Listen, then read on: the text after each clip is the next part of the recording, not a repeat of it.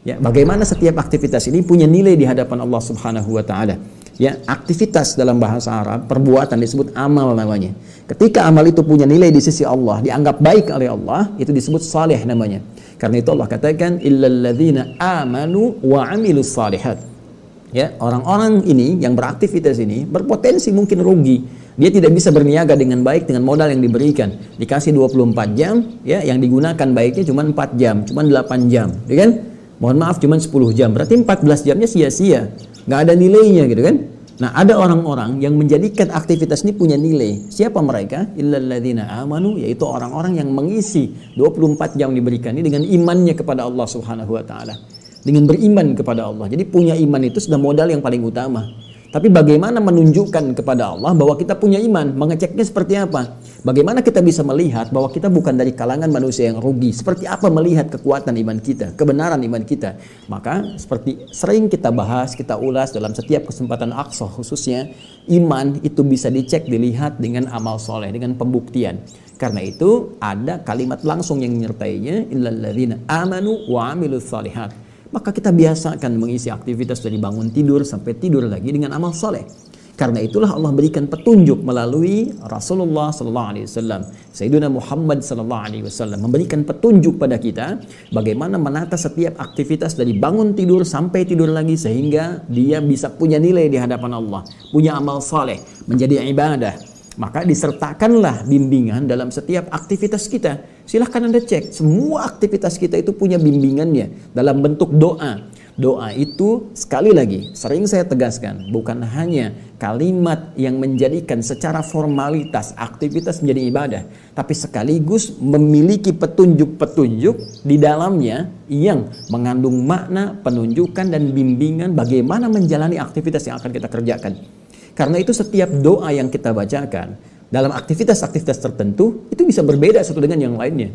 Karena petunjuknya pun tidak sama, pekerjaannya berbeda, petunjuknya pun tidak sama. Bangun tidur kita ada doanya. Antara bangun tidur dengan akan tidur, doanya berbeda.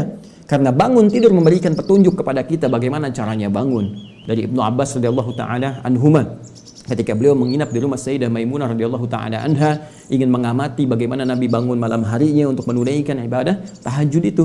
Kata beliau karena Nabi sallallahu alaihi wasallam bima makna adalah kebiasaan Nabi sallallahu alaihi wasallam idza staiqadha min naumihi jika beliau bangkit bangun dari tidurnya fajalasa maka beliau duduk terlebih dahulu, tidak langsung kemudian bangkit atau beraktivitas, duduk dulu, menenangkan dirinya. Kemudian famasaha biyadihi min athari naumi, maka beliau menghapus bekas ngantuknya dengan bagian tangan yang bersih, diduga bersih.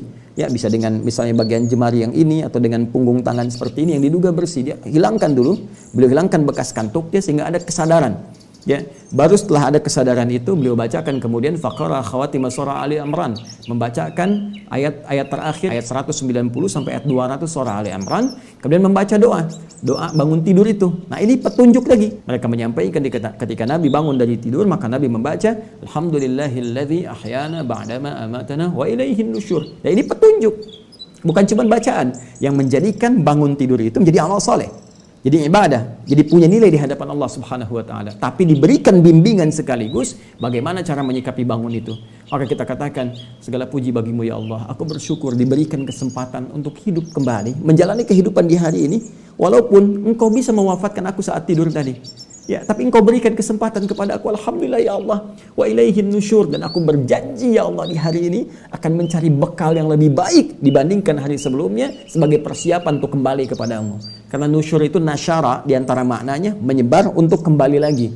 Nah kita bangun tidur, kita berjanji kepada Allah hari ini akan menyebar beraktivitas. Karena mungkin Anda tidak di satu tempat beraktivitasnya. Boleh jadi di rumah, keluar rumah, tempat berbeda, ke kantor, tempat olahraga, dari macam-macam, setiap tempat. Tapi kita bertekad kepada Allah, setiap tempat yang akan kita pijak di hari itu, kita niatkan ibadah kepada Allah Subhanahu wa taala bangunnya ibadah, tahajudnya ibadah, subuhnya ibadah, sepedaannya habis itu ibadah, persiapan mandinya ibadah, ke kantornya ibadah. Itu niat kita. Sehingga di setiap titik saat kita beraktivitas sedang kita beribadah sekalipun diwafatkan oleh Allah Subhanahu wa taala. Sepedaan kita niatkan beribadah supaya sehat, dengan sehat kita ibadahnya kuat, sholatnya kuat, bisa puasa kuat dan sebagainya, baca Quran kuat. Kemudian wafat misalnya, saat menyimpan sepeda, kita duduk, kita meninggal dan meninggal dalam keadaan ibadah karena kita niatkan tadi. Itu janji kita. Maka saya bertanya dari satu ini saja teman-teman, berapa banyak pekerjaan kita yang punya nilai ibadah? Ya, dalam Islam itu luar biasa, komplit gitu. Jadi kita tata dari awal sampai akhirnya. Silahkan cek.